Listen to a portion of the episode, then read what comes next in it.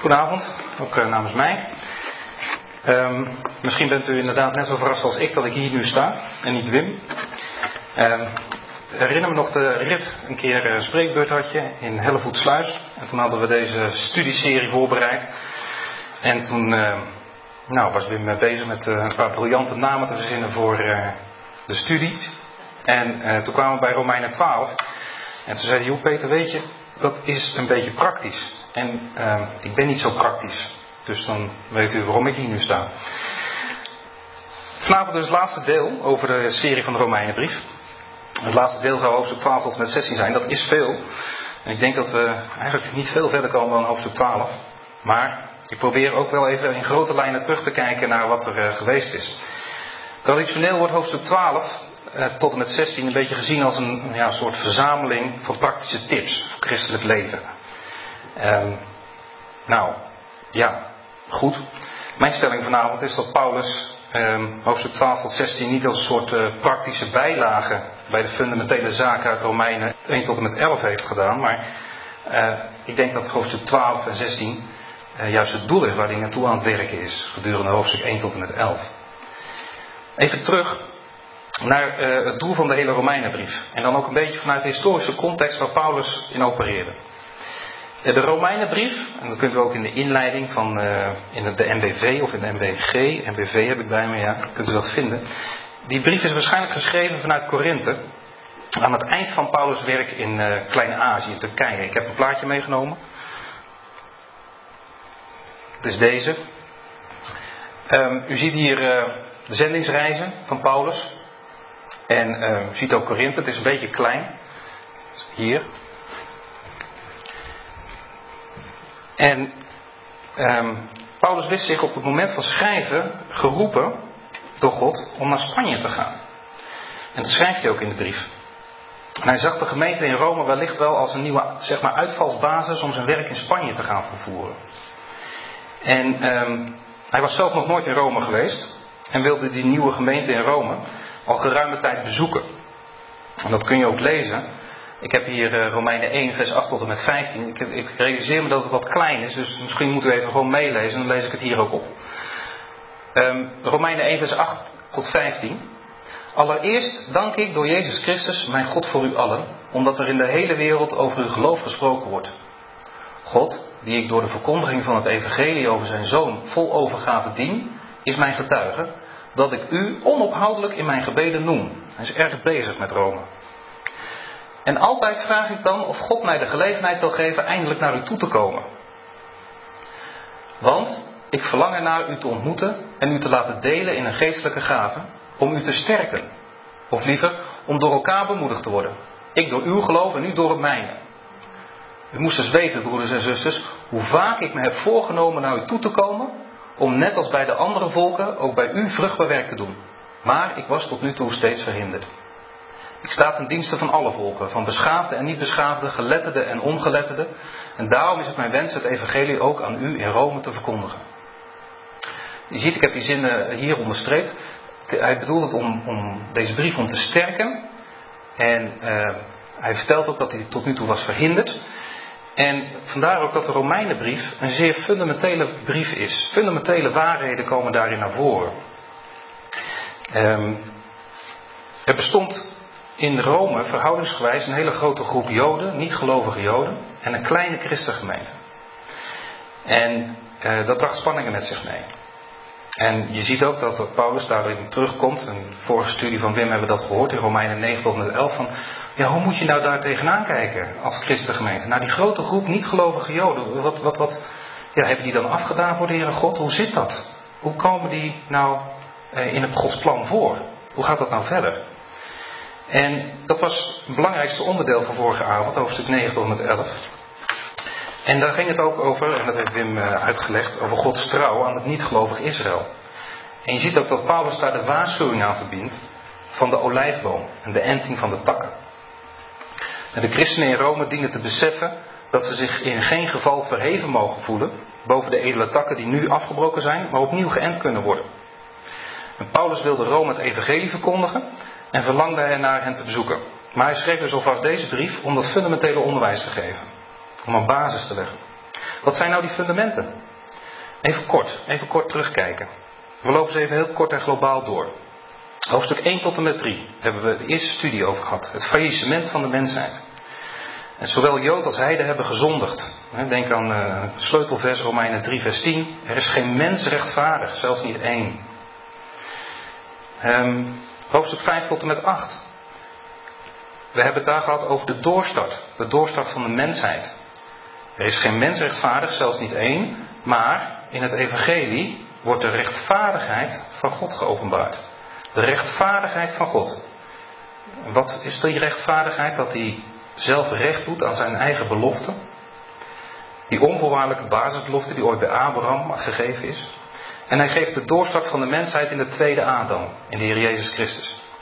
De laatste Adam zou je moeten zeggen. En we zijn gered door het geloof van Jezus. Niet in Jezus, dat is een vertaling die we vinden in ons NBG. In de basistekst staat het geloof van Jezus. Tot allen en over allen die geloven. Want er is geen onderscheid. Romeinen 3, vers 22. Dat is toen ook aan de orde geweest. Voor de duidelijkheid, dit zijn hele grote fundamentele thema's. Het gaat in de Romeinenbrief verder dan uw en mijn persoonlijke redding. Um, het is niet een systeem van hoe kan ik in de hemel komen. Zelf, kijk het naar mezelf, heb ik dat er wel vaak in gelezen. Maar Paulus focust niet op die individuele redding, maar op die universele redding. Het gaat niet over van hoe kan ik in de hemel komen. Nou, je moet geloven en vooral niet werken. Hè, want dat staat dan tegenover elkaar en je moet het door geloof doen en niet door werken. Nee, het gaat voorbij aan mijn persoonlijke redding. Maar stijgt daar, het gaat er niet aan voorbij, maar het stijgt er wel bovenuit. Ver bovenuit zelfs. Alle mensen zullen tot rechtvaardigen gesteld worden door de gehoorzaamheid van die ene. Dat is Romeinen 5 vers 19. En zoals we in Adam gesteld zijn tot zondaren, worden we in Christus gesteld tot rechtvaardigen. En ook daar kwam naar voren dat de genade de zonde er altijd uitloopt. Waar de zonde toeneemt, overstijgt de genade. Wordt de genade zeer overvloedig. Fundamentele, universele zaken. En kijk, dan komt Romeinen 9 tot met 11. En daar zoomt Paulus in op dat hele specifieke probleem in het grote plan van de gemeente, van, van God, waar de gemeente in Rome enorm mee worstelde. Paulus zelf ook, hè? Die, die, die spreekt dat gebed uit. En die zegt, ik zou wel verdoemd willen zijn om willen van mijn volk. Um, Wim heeft ons de vorige keer daarin meegenomen door die worsteling. En wie het horen wil, de cd's liggen op de boekentafel. Maar het is een controversieel gedeelte. Behoort wel tot de kern van Paulus' betoog. Soms wordt er gezegd, uh, Romeinen 5 tot 8, geweldig, dat is het fundament, dat is het hart van de brief. Over rechtvaardiging en redding. En, en dat is het dan voornamelijk. Hè, want daarna krijg je nog iets over de Joden in hoofdstuk 9 tot 11. En dan nog een beetje over praktisch christenleven op het eind in hoofdstuk 12 tot 16. Maar de specifieke argumenten die Paulus wil maken, komen dan pas voorschijn in hoofdstuk 9 tot 11 en 12 tot 16. Dat is mijn stelling. Hoofdstuk 5 tot 8 zet het in de grondverf. Komt voort uit hoofdstuk 1 tot 4. En hoofdstuk 5 tot 8 is zeker fundamenteel te noemen. Je kan het als het ware er inderdaad als een apart stuk uithalen. En je kunt je zelfs afvragen hoe Paulus anders op dat fundament had kunnen voortbouwen. Als je dat fundament van 5 tot 8 bekijkt, dan zou je kunnen zeggen, hij had nog veel meer argumenten vanuit dat fundament kunnen opbouwen. Maar hij is specifiek bij Romeinen 9 tot 11 uitgekomen. Het gaat om de grote trouw en de belofte van God en zijn plan. Dan komen we bij wat we vanavond centraal zouden stellen, hoofdstuk 12 tot en met 16 zelf.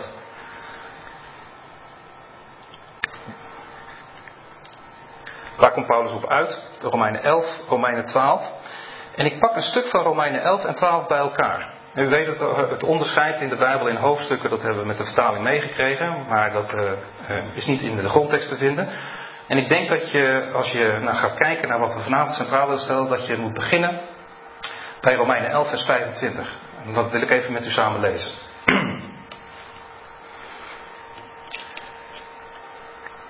vers 25. Er is, broeders en zusters, een goddelijk geheim dat ik u niet wil onthouden, omdat ik wil voorkomen dat u op uw eigen inzicht afgaat. Slechts een deel van Israël werd onbuigzaam en dat alleen tot het moment dat alle heidenen zijn toegetreden. Dan zal heel Israël worden gered. Zoals ook geschreven staat, de redder zal uit Sion komen en wentelt dan de schuld af van Jacobs nageslacht. Dit is mijn verbond met hen wanneer ik hun zonde wegneem. Ze zijn Gods vijanden geworden, opdat het evangelie aan u kon worden verkondigd. Maar God blijft hen lief hebben, omdat hij de aartsvaders heeft uitgekozen. De genade die God schenkt, neemt hij nooit terug. Wanneer hij iemand roept, maakt hij dat niet ongedaan. Zoals God eens ongehoorzaam was, maar door hun ongehoorzaamheid Gods barmhartigheid hebt ondervonden, zo zijn zij nu ongehoorzaam om door de barmhartigheid die u ondervonden hebt ook zelf barmhartigheid te ondervinden. En dan komt die conclusie in vers 32, want God heeft ieder mens uitgeleverd aan de ongehoorzaamheid, opdat hij voor ieder mens barmhartig kan zijn. En dan de lofzang van Paulus op die conclusie. Hoe onuitputtelijk zijn Gods rijkdom, wijsheid en kennis. Hoe ondergrondelijk zijn oordelen en hoe onbegrijpelijk zijn wegen. Wie kent de gedachten van de Heer? Wie was ooit zijn raadsman? Wie heeft hem iets gegeven dat door hem moest worden terugbetaald? Alles is uit hem ontstaan. Alles is door hem geschapen. Alles heeft in hem zijn doel. Hen komt de eer toe tot in eeuwigheid. Amen. Broeders en zusters, met een beroep op Gods barmhartigheid vraag ik u om uzelf als een levend heilig en God welgevallig offer in zijn dienst te stellen. Want dat is de ware eredienst voor u. U moet uzelf niet aanpassen aan deze wereld, maar veranderen door uw gezindheid te vernieuwen. Om zo te ontdekken wat God van u wil en wat goed, volmaakt en hem welgevallig is. Dit is zoals het in de NBV opgeschreven staat. En ik heb ook nog even gekeken naar de Statenvertaling. En dan kom ik in de Romein 12 een woord tegen dat woordje dan. Ik heb het ook, ik bid, u dan, ik heb het even onderstreept. Om even aan te geven dat het dus teruggrijpt op wat hij net in Romeinen 11 heeft gezegd in de lofzang. Ik bid u dan. Dus dat betekent dat hij voortgaat in Romeinen 12. Ik bid u dan, broeders, door de ontferming Gods, dat gij uw lichaam stelt tot een levende, heilige en gode welbehagelijke offerhande, welke is uw redelijke godsdienst. En wordt deze wereld niet gelijkvormig, maar wordt veranderd door de vernieuwings uws gemoeds, opdat gij mogen beproeven welke de goede en welbehagelijke en volmaakte wil van God zij. Ook nog even de NBG, dan zie je dat er heel veel dingen anders vertaald worden. Belangrijke woorden. We moeten even kijken van wat staat er nou echt geschreven. In de NBG, Romeinen 12 vers 1. Ik vermaan u dan, broeders, met beroep op de barmhartigheden Gods, dat gij uw lichamen stelt tot een levend, heilig en gode welgevallig offer. Dit is uw redelijke eredienst. En wordt niet gelijkvormig aan deze wereld, maar wordt hervormd door de vernieuwing van uw denken. Opdat gij moogt erkennen wat de wil van God is. Het goede, welgevallige en volkomene. Even wat, wat zaken straks wat nader bekijken. Um, centraal staat de vernieuwing van je denken. Dat heb ik ook als thema erboven gezet. En um, ik moest toen denken aan de woorden van John Piper. We hebben ze wel eens eerder aangehaald. Ik lees het even voor. John Piper zegt, grote theoloog in Amerika. De praktische consequenties die voortvloeien uit een verschil in denken hebben veel meer impact dan wij ons voorstellen. Dit geldt in het bijzonder voor verschil in denken over God.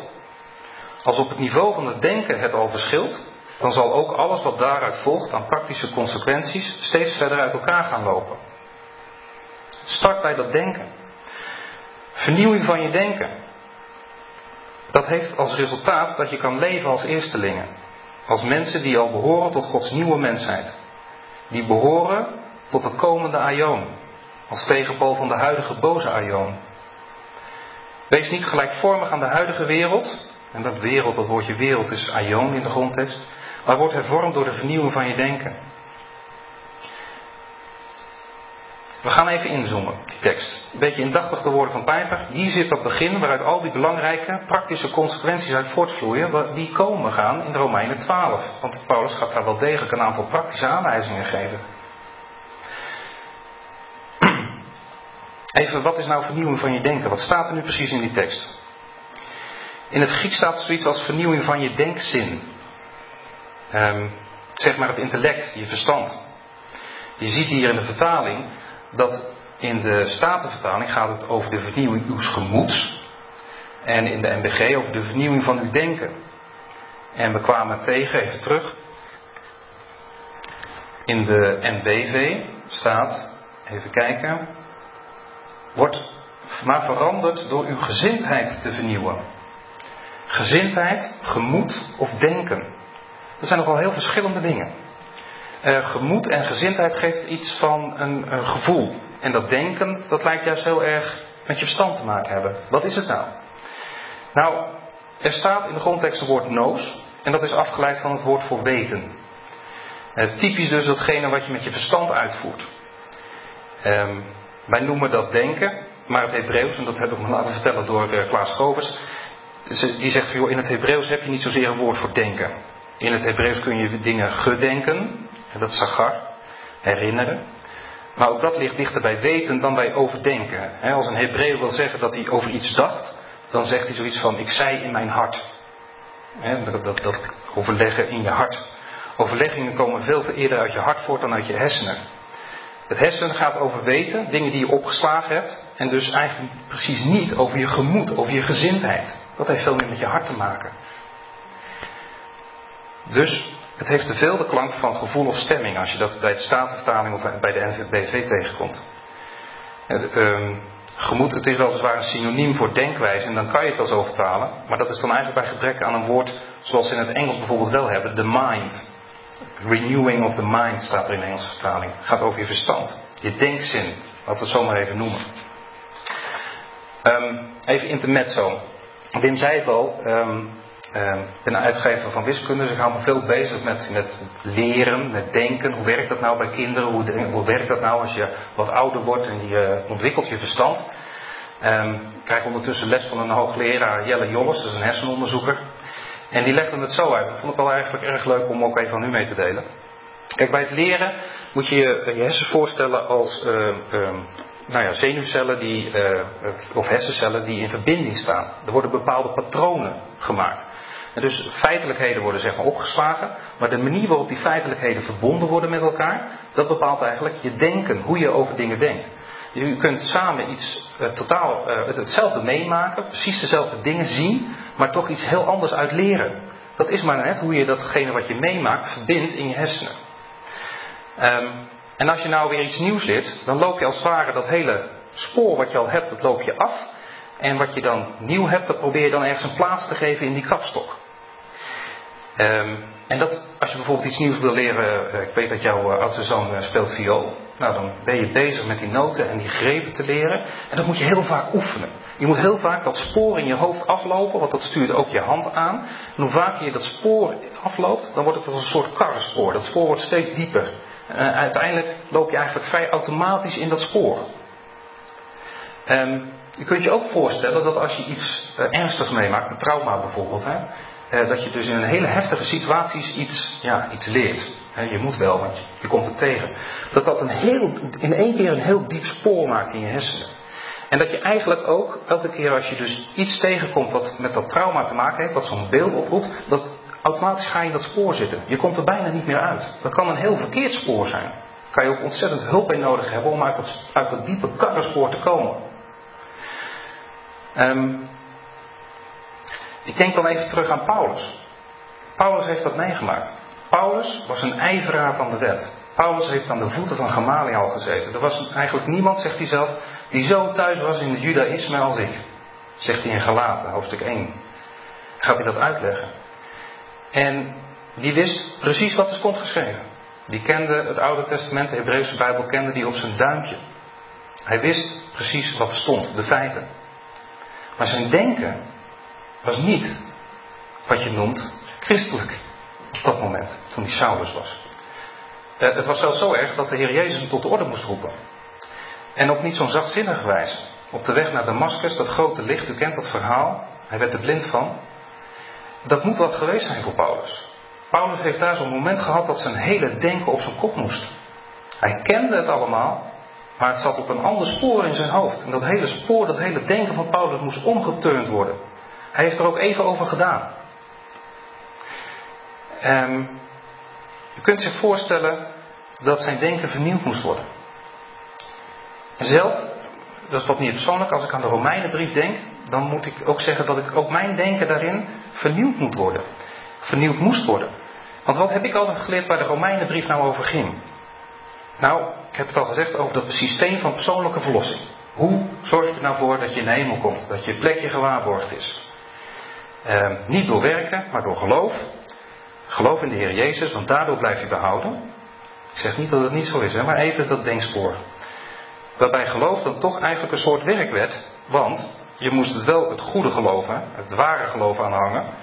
En vooral ook netjes naar leven. Een beetje voor wat hoort wat, want je moest wel laten zien dat je het een beetje begrepen had. Ehm, en in preek over Romeinen hoorde ik dan altijd die bekende drie luik van ellende, verlossing en dankbaarheid. De drie goed gereformeerde punten, kom uit de goed gereformeerde kerk.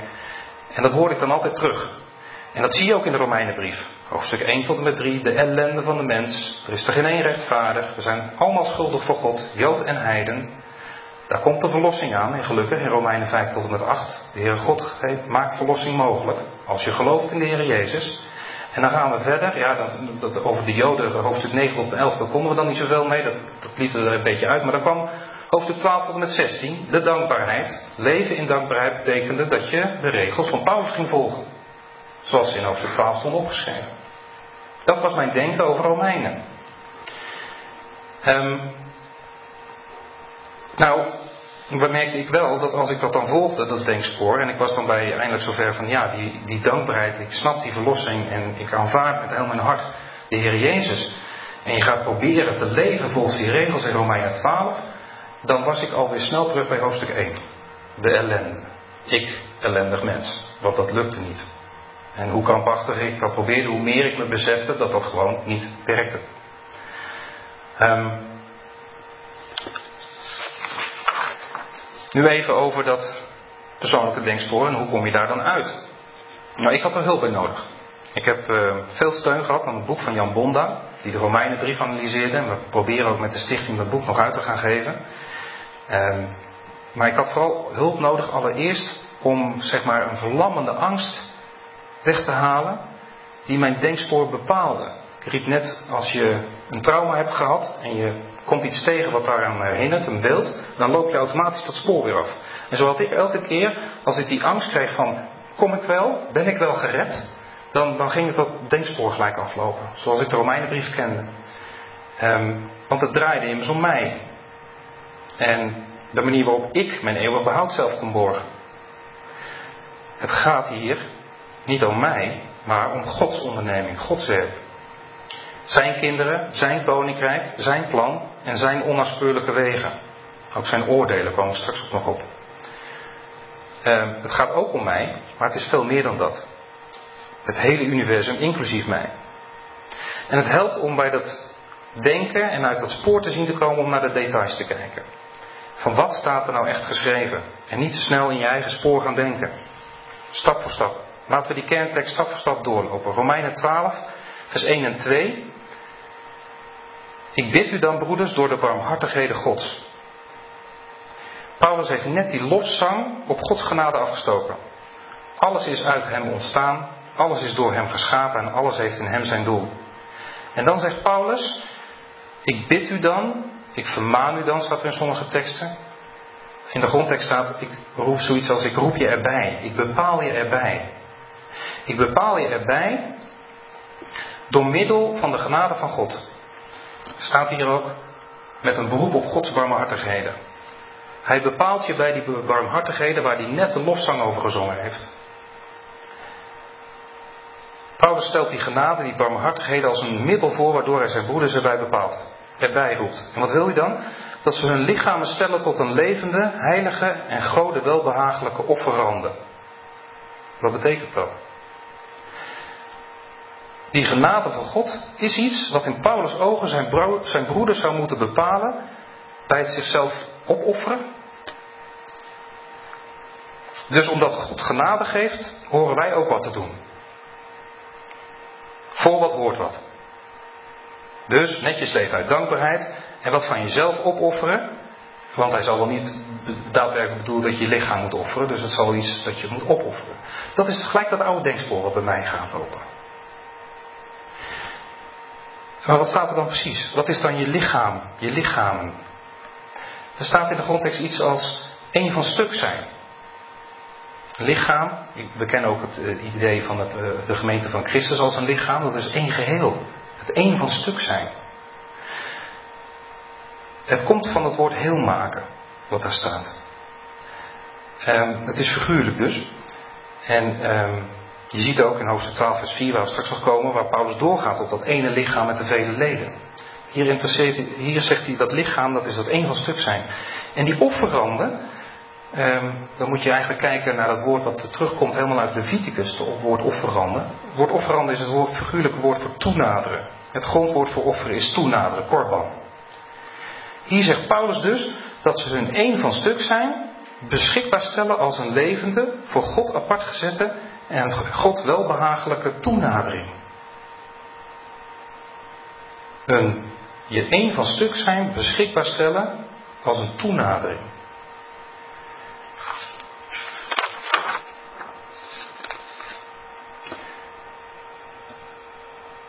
Waar kom je dan op uit? Als je dat zo zegt.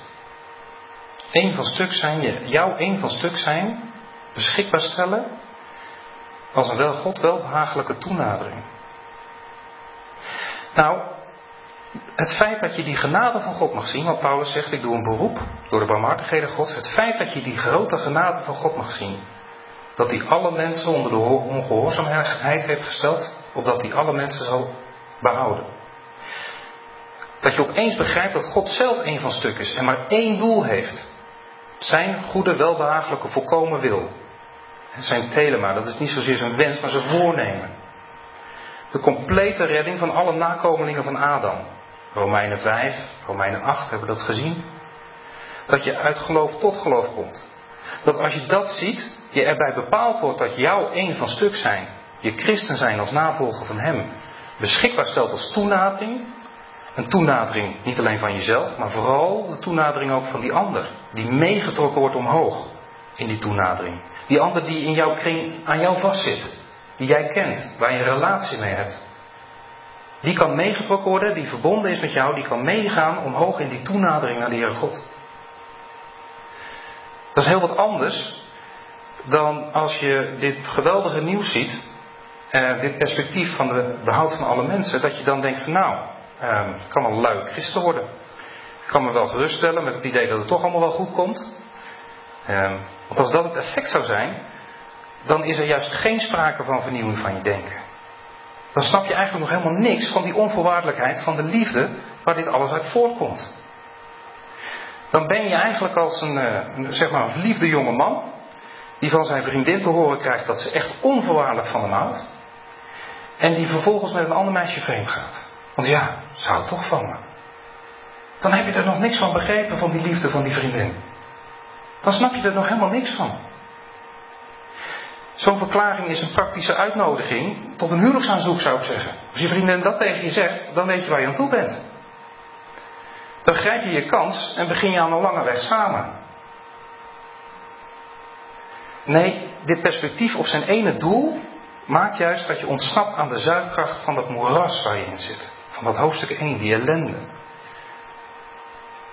Van het moeras in deze wereldtijd, in deze aion, waarin je steeds verder soms lijkt weg te zakken. Dat je een hoop krijgt met dat perspectief. Die voorkomt dat je gek wordt van ellende soms. We hebben in de afgelopen tijd mensen meegemaakt die aan het graf moesten staan van hun eigen zoon of dochter. En, en dat is ongelooflijk wat mensen dan voor een ellende zien en zeggen van als ik, dat, als ik die hoop niet had, wat moest ik dan? Wat had het dan allemaal voor nut in dit leven? Dat je dit soort dingen mee moet maken. Die hoop die ervoor zorgt dat je anderen mee wilt trekken. Zeg maar gewoon dat je een aantrekkelijk christen wil zijn. Dat aantrekken, dat uh, komt ook nog voor de Jezus. Bij Jezus die dat zegt in Johannes 12, vers 32. Jezus zelf is de grote aantrekker. Hij zegt in Johannes 12, vers 32: En als ik verhoogd ben van de aarde, zal ik allen tot mij trekken. Wij zitten in dat moeras en de Heer Jezus komt om ons allemaal uit dat moeras te trekken. En dan doet hij dat niet door hier te blijven, maar helemaal onder ons in dat moeras te komen. En ons als een offer, als een toenadering tot de Heere God bij de Heer te brengen. Je mag aantrekkelijk christen zijn.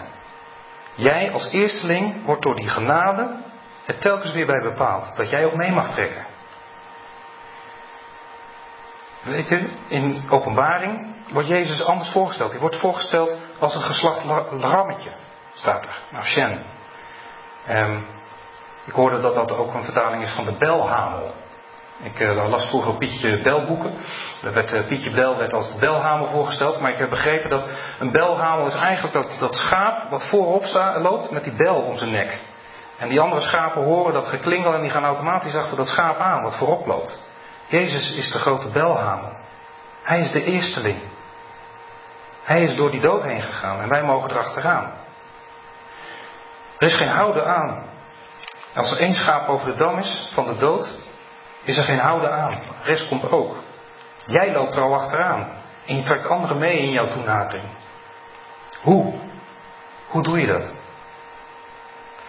Je kunt kijken naar die praktische tips die uh, Paulus geeft in hoofdstuk 12. Maar ik wou nog even iets dieper. Want het gaat door je op Hem te richten. Achter Hem aan.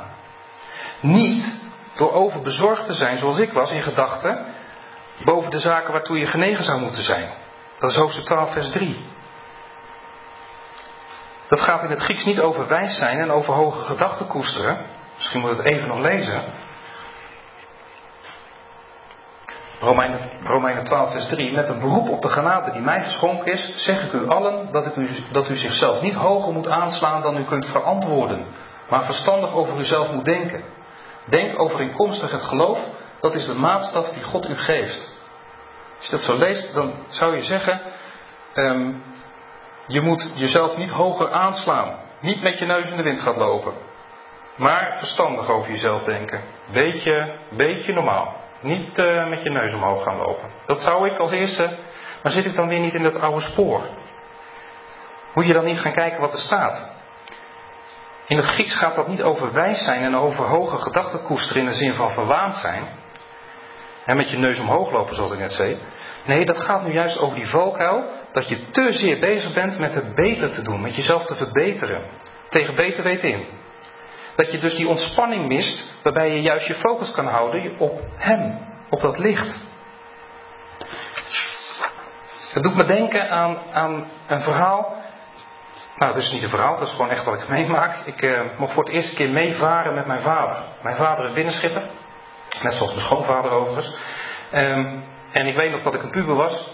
En mijn moeder was me een beetje zat. Dat kan gebeuren bij pubers. Zo'n lange zomervakantie, zes weken. Uh, dat is niet altijd even prettig. Kan me voorstellen. Er zat er nog twee thuis. En die van, joh, ga jij nou eens lekker meewerken met je vader. Daar word je nooit slechter van, van een beetje leren werken. 14, 15 jaar.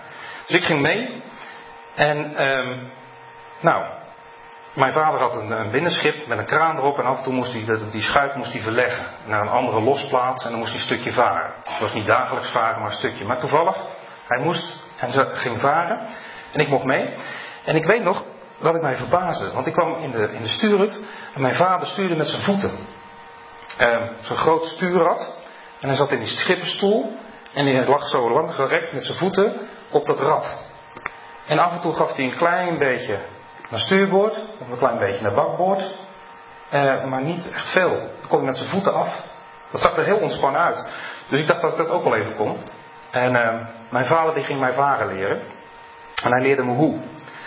En de truc om recht uit te kunnen varen is dus niet om de kant in de gaten te gaan houden. Want dat ging ik doen. En je gaat proberen een beetje in het midden van het vaarwater te varen. Dus je houdt een beetje van die kant, hou je een beetje afstand. En dan, dan kom je daar weer te dichtbij. Dus dan moet je een beetje koerscorrectie, want anders dan... En voor je het weet ben je zo aan het varen. En dat kan je vooral goed zien als je achter je kijkt. Dat is ongelooflijk. Hoe snel je aan het zwabberen bent dan. En je stuurt je eigen kapot. Want dat is een groot rad, dus je moet flink draaien. Dat gaat flink zwaar. En je bent, je bent maar heen en weer. En maar aan het kijken. En daar word je niet goed van. Nee, hoe moet je dat nou doen? Nou, zei mijn vader, dan moet je een punt in de horizon pakken. En daar moet je je op richten. En voor op de schuit staat een vlaggetje. En dat staat er niet voor de leukigheid, dat staat er omdat je daarop kan leren sturen. Wat je moet doen is één oog dicht nemen, dicht doen, het vlaggetje, zorgen dat dat vlaggetje precies op dat punt in de verte komt. En daar moet je het op houden. En dan moet je niet te veel gaan sturen, een klein beetje, en zorg maar dat dat vlaggetje op die boom of op die kerktoren in de verte stond. En je vaart recht als een kaars. Niet om je heen gaan zitten kijken. Zorg dat je je focus houdt op dat punt in de verte. Dat is wat ik bedoel met wat ik net zei, je aandacht richt op Hem, op wat Hij gedaan heeft, op dat licht. Weet u, in moeilijk vaarwater, ik ben later in de marine gegaan, dus dan leer je nog iets beter varen. Dan in moeilijk vaarwater, daar hebben ze er iets op gevonden, moeilijke bochten. Dan zeggen ze, we zetten een licht op de wal. Dus dan hoef je niet zelf een kerktoren uit te zoeken of een boom. We zetten een groot licht op de wal. En als het echt heel moeilijk wordt, dan zorgen ze dat ze twee palen met lichten hebben. En als jij nou zorgt dat je die twee palen achter elkaar krijgt, dan zit je precies recht in het vaarwater, in het midden. Die twee lichten boven elkaar zien te krijgen. Ik heb wel eens gedacht, wat zijn die twee lichten? Als je dat verhaal terugvertaalt naar de Bijbel. Dat licht van het sterven en lijden en de opstanding van de Heer Jezus. En dat andere licht wat er nog ver achter staat, wat lijkt alsof het boven elkaar staat, zijn terugkomst. Dat zijn twee punten waar je je op mag richten in dit perspectief. Dat lichtpunt is Jezus. Richt je op Hem en wees niet in gedachten te zeer bezig met die wal. Met die dingen waar je krampachtig ver van wil blijven. Omdat je denkt dat dat moet. Want dat hoort. Voor wat hoort wat. Nee, dat gaat vanzelf. De woorden van Paulus in vers 5 en verder. Doe mij dan denken aan mijn vader. Die zegt, doe maar gewoon, dan doe je gek genoeg. Richt je nu maar op Hem. Vers 5, vers 4. Over dat lichaam, daar heb ik het net al even over gehad. Zo zijn we samen één lichaam in Christus en zijn we ieder apart elkaars lichaamsdelen. We hebben verschillende gaven. Onderscheiden naar de genade die ons geschonken is. Wie de gave heeft te profiteren, moet die in overeenstemming met het geloof gebruiken. Wie de gave heeft bijstand te verlenen, verleent bijstand. Wie de gave heeft te onderwijzen, moet onderwijzen. Wie de gave heeft te troosten, moet troosten. En wie iets weggeeft, moet dat zonder bijbedoeling doen. Wie leiding geeft, doet dat met volle inzet. Wie boomhartig is voor een ander, moet daarin blijmoedig zijn. Ontspan. Niet hoger dan, niet krampachtig dan. Ontspan. Richt je op Hem. En doe wat je gekregen hebt om te doen. Die genadegaven. Niet meer dan dat, maar ook niet minder. In vers 4 komt Paulus op het gelovig uitroepsel. De gemeente van Jood en Griek samen. Het lichaam van Christus. Leven als eerstelingen, als Gods nieuwe mensheid in de huidige boze tijd. Boze aion. Als tegenpool van de oude mensheid zoals we die in hoofdstuk 1 zagen. Dat is al besproken. En als teken van de komende vernieuwing van hemel en aarde. Vernieuwing van je denken is het hart van het leven als eersteling. Niet dat oude spoor. Zorg Zorg ervoor, het klinkt ook weer zo van je moet, maar je mag je vernieuwen laten vernieuwen in je denken, in dat perspectief. Hoofdstuk 12 laat verder zien hoe je dan als gemeenschap leeft. Zowel onderling als in een aanbiddende gemeenschap, als in relatie met de buitenwereld. Hoe je die anderen mee mag trekken. Ik wil even terugkomen op dat voor wat hoort al denken. Even terug naar de tekst. En ik ga dat even voorlezen, want ik heb het hier in de vertaling staan van de MBV. Dus ik het even op in de Statenvertaling. Romeinen 12. Beginnend in 11. En ik begin bij dat samenvattende vers. Nog een keertje lezen. Hoofdstuk 11, vers 32. Want God heeft hen allen onder de ongehoorzaamheid besloten, opdat hij hun allen zou barmhartig zijn. O diepte des rijkdoms beide der wijsheid en der kennis Gods. Hoe onderzoekelijk zijn zijn oordelen en hoe onnaspeurlijk zijn wegen. Want wie heeft de zin des Heren gekend? Of wie is zijn raadsman geweest? Of wie heeft hem eerst gegeven en het zal hem daarna weder vergolden worden? Daar zit dat oude denken in. Ziet u in die lofzang? Dat oude denken van voor wat hoort wat. Wie heeft hem eerst gegeven en het zal hem weder vergolden worden? Zo werkt dat niet bij de Heere God. Nee, want het is uit Hem en door Hem en tot Hem alle zijn alle dingen. Hem zij de eerlijkheid in de eeuwigheid. En het gaat hier ook in die lofzang over hoe onderzoekelijk zijn zijn oordelen. Over dat voor wat hoort wat. Um, ik heb van, ter voorbereiding van deze avond kreeg ik ook een vraag binnen van wil je dit meenemen uh, in de avond? Want het is inderdaad wel, er komen allerlei vragen boven. Als uiteindelijk alles goed komt. Als uiteindelijk alle mensen behouden worden. Waarom zou je dan nog, nou vul maar in. Waarom zou je dan nog even realiseren? Waarom zou je dan eigenlijk überhaupt geloven? Je kan lekker je gang gaan. Precies de tegenwerping die Paulus ook tegenkwam in hoofdstuk 10. Of waarom moest de Heer Jezus dan eigenlijk komen? Waarom moest het dan zo? Had God niet gewoon in één keer alles goed en wel? Wat, waar gaat het dan over? En die vragen komen boven omdat je enerzijds in dat oude denken nog zit. En je gaat het nieuwe perspectief zien. Ik had het net al iets over, over die onvoorwaardelijkheid van die liefde. Als je dat echt goed gaat begrijpen, dan ga je niet zeggen van nou dan uh, toedeledokie, ik ga mijn eigen gang. En uh, als je toch van me houdt, dan kan ik wel weer bij je terugkomen. En als je die liefde echt begrijpt, dan grijpt het je. En dan ga je samen verder. Zoals die geliefde jonge man. Maar ook kreeg ik toen een mailtje terug. Zei nou bedankt voor je antwoord, maar uh, het klinkt goed. Maar hoe zit het dan met de schuldzonde? Of is het nou echt pure genade? Ja, is pure genade. Maar ja, als het dan pure genade is, dan is het inderdaad de vraag of wij mensen, makkelijk en belust op comfort als we zijn, of we er niet lui op worden. Dat idee van, van schuld en iets moeten goedmaken, dat zit diep in ons. Um, hoef je er dan echt niks voor te doen? Je moet toch geloven? Um, is het dan echt pure genade? Maar waarom gaat Paulus dan in hoofdstuk 12 opzommen wat je allemaal moet doen? Ontkracht toch het hele verhaal wat daarvoor kwam. Toch voor wat hoort wat in hoofdstuk 12? Ook hier weer die vernieuwing in je denken. Het gaat in de Bijbel om dat twee richtingen verkeer. God zoekt partners. Tegenover. We zullen worden zoals Hij is. En wij zijn in, mag ik zeggen, opleiding om partner te worden van de Heere God. Het gaat om die wederkerigheid, om die twee richtingen verkeer. Dat is hoe God is. God is dan ook wars van alles wat je, wat je magie zou kunnen noemen. magie is dat wat in bijna alle godsdiensten uh, tegenkomt, waar het eigenlijk op gebaseerd is. Bij magie wordt de godheid tot een ding. Voor wat hoort wat. tot iets van een formule. En dat kun je uh, gebaseerd op de wet van voor wat hoort wat, de dingen naar je hand zetten. Luister eens, ik offer wat voor jou op. Mijn kind, bij grote godsdiensten uh, in het verleden. En maar dan uh, krijgen wij wel regen van u. Um, dat kunnen wij ook in kleine dingen. Dat hoeft niet zo ernstig te zijn dat je denkt van nou dat gaat over magie. Maar dat is wel de basis, het wezen van magie.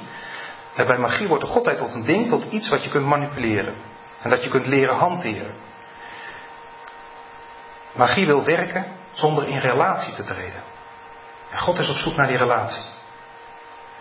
Dat is precies wat God juist wel wil. Magie wil alleen maar werken. Magie werkt. Maar het is God om die verbinding te doen. Dat twee richtingen verkeer waarbij je zijn hart leert kennen. En gaat leven vanuit antwoord geven. Mens, waar ben je? Woord en antwoord. De nieuwe mens is de mens die geleerd heeft God te antwoorden. De mens die uit zijn isolement is gekomen van het werken. Hoe zit het dan met dat oordeel? Want dat noemt, dat Paulus hier ook. Hoe onnaspeurbaar, moet ik het even goed zeggen? Hoe ondoorzoekelijk zijn zijn oordelen en onnaspeurlijk zijn wegen. Want dat oordeel is het toch ook? Dat oordeel komt toch zeker wel? Wat is dat oordeel? Wat heeft dat te maken met vernieuwing van je denken? God oordeelt. En ik heb het Wim wel heel mooi beeld uit zien brengen. Dat oordeel dat gaat over richten. Er is iets kroms. Dat wordt recht gemaakt. Dat doet pijn. Maar het is wel heilzaam. Dat is Gods oordeel. God richt je naar wat je wezenlijk bent. Er is van alles krom gegroeid in jou, in mij. En God gaat dat recht maken. Het woord veroordelen dat gebruikt wordt in de teksten, waar het gaat over dat God je oordeelt, bijvoorbeeld Psalm 17 is een bekend vers, daar staat dan het woord anakrino. Dat letterlijk betekent omhoog oordelen. Anna wil zeggen omhoog. En anakrina zegt dus omhoog richten. Zeg maar opwaarderen. U heeft een chipknip, die kun je opwaarderen. Anakrino is iets van opwaarderen. Dat oordeel, dat richt je omhoog. De mens wordt gericht, omhoog gericht en komt weer tot zijn recht. En zo word je een rechtvaardige. Dat is niet iets wat je zelf doet. God richt je. God maakt je recht tot een rechtvaardige. God beoordeelt je en brengt alles aan het licht. Juist ook dat verborgene. En dan denken wij vaak aan negatieve dingen. Want wij verbergen die dingen. Maar de Bijbel heeft daar een verbazend positieve kijk op. Moeten we even meegaan naar 1 Korinthe 4, vers 5. 1 Korinthe 4.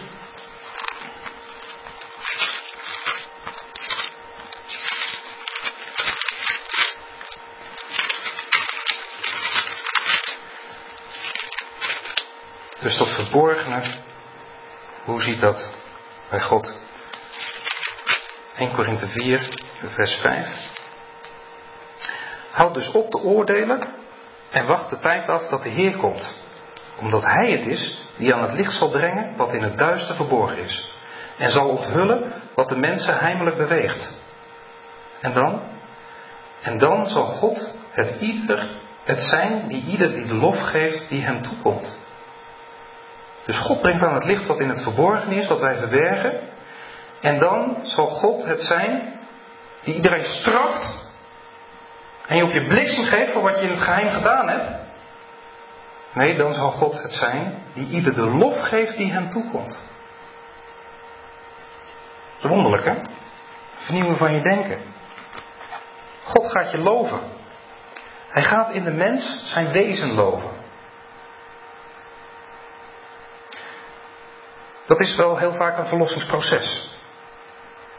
God wil de mens genezen van de gedachtegang van dat we indruk moeten maken. Of denken te moeten maken. Ons genezen van de gedachtegang voor wat hoort wat. Een proces dat nu al aan de gang is bij jou als eersteling. Je hebt je al gesteld onder dat oordeel. Je hebt je al gekeerd naar God. Jij bent al uit dat isolement en weer in staat tot dat gesprek, tot dat antwoord aan God. Dat is niet voor wat hoort wat, dat zou magie zijn. Nee, dat is de levende relatie met Hem. Die dialoog. U en ik. U, Heer. Niet ik en Hij. Jij bent al uit die tweespalt tussen schijn en zijn. God roept en gelooft je tevoorschijn. Uit geloof tot geloof.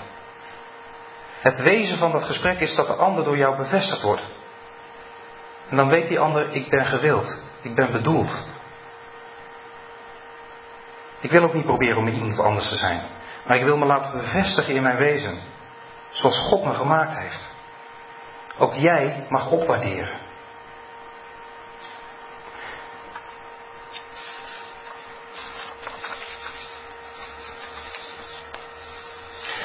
Kijken we even verder in. Uh, moet ik het even zoeken in Romeinen 12.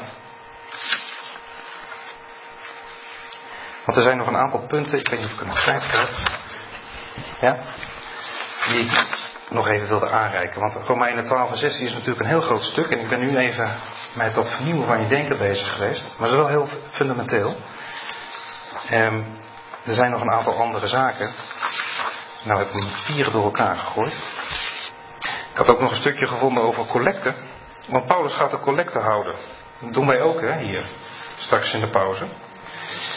Um, Paulus zamelde dat geld in, misschien moet ik dat toch maar even doen. In de collecte voor Jeruzalem. Ik vind zelf um, in de stichting het altijd een heel lastig moment, een collecte. Het is zo'n typisch christelijk ding om te doen.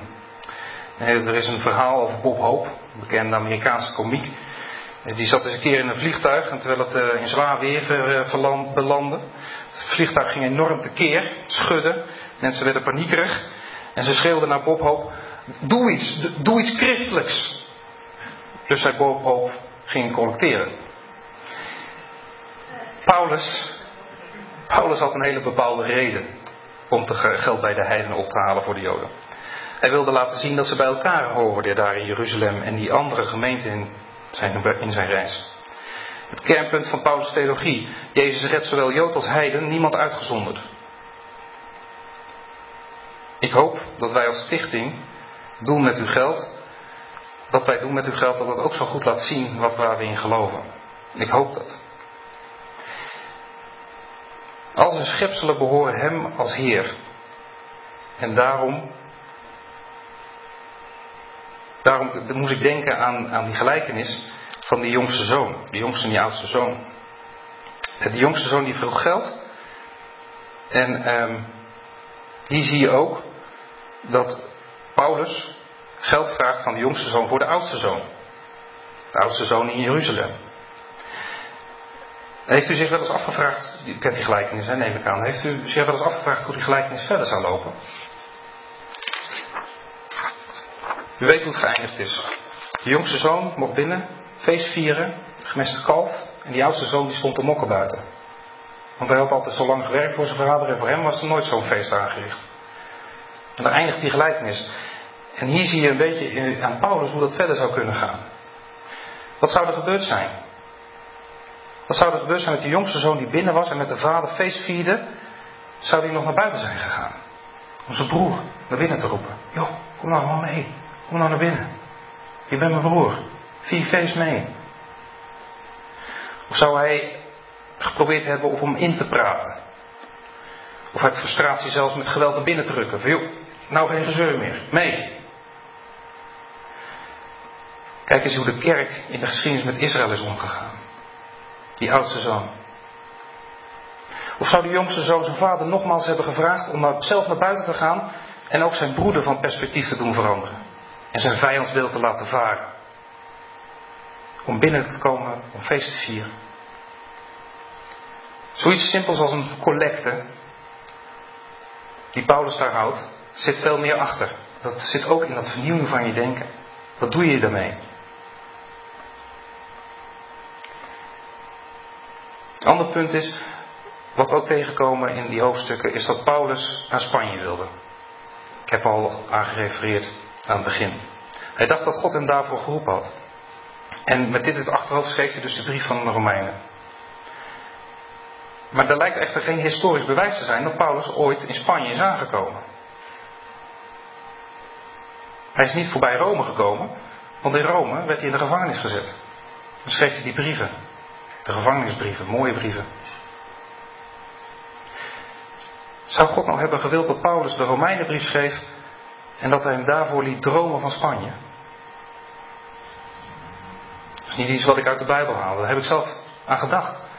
Waar droomt u van? Waar droom ik van? Waar droomt u voor uzelf van?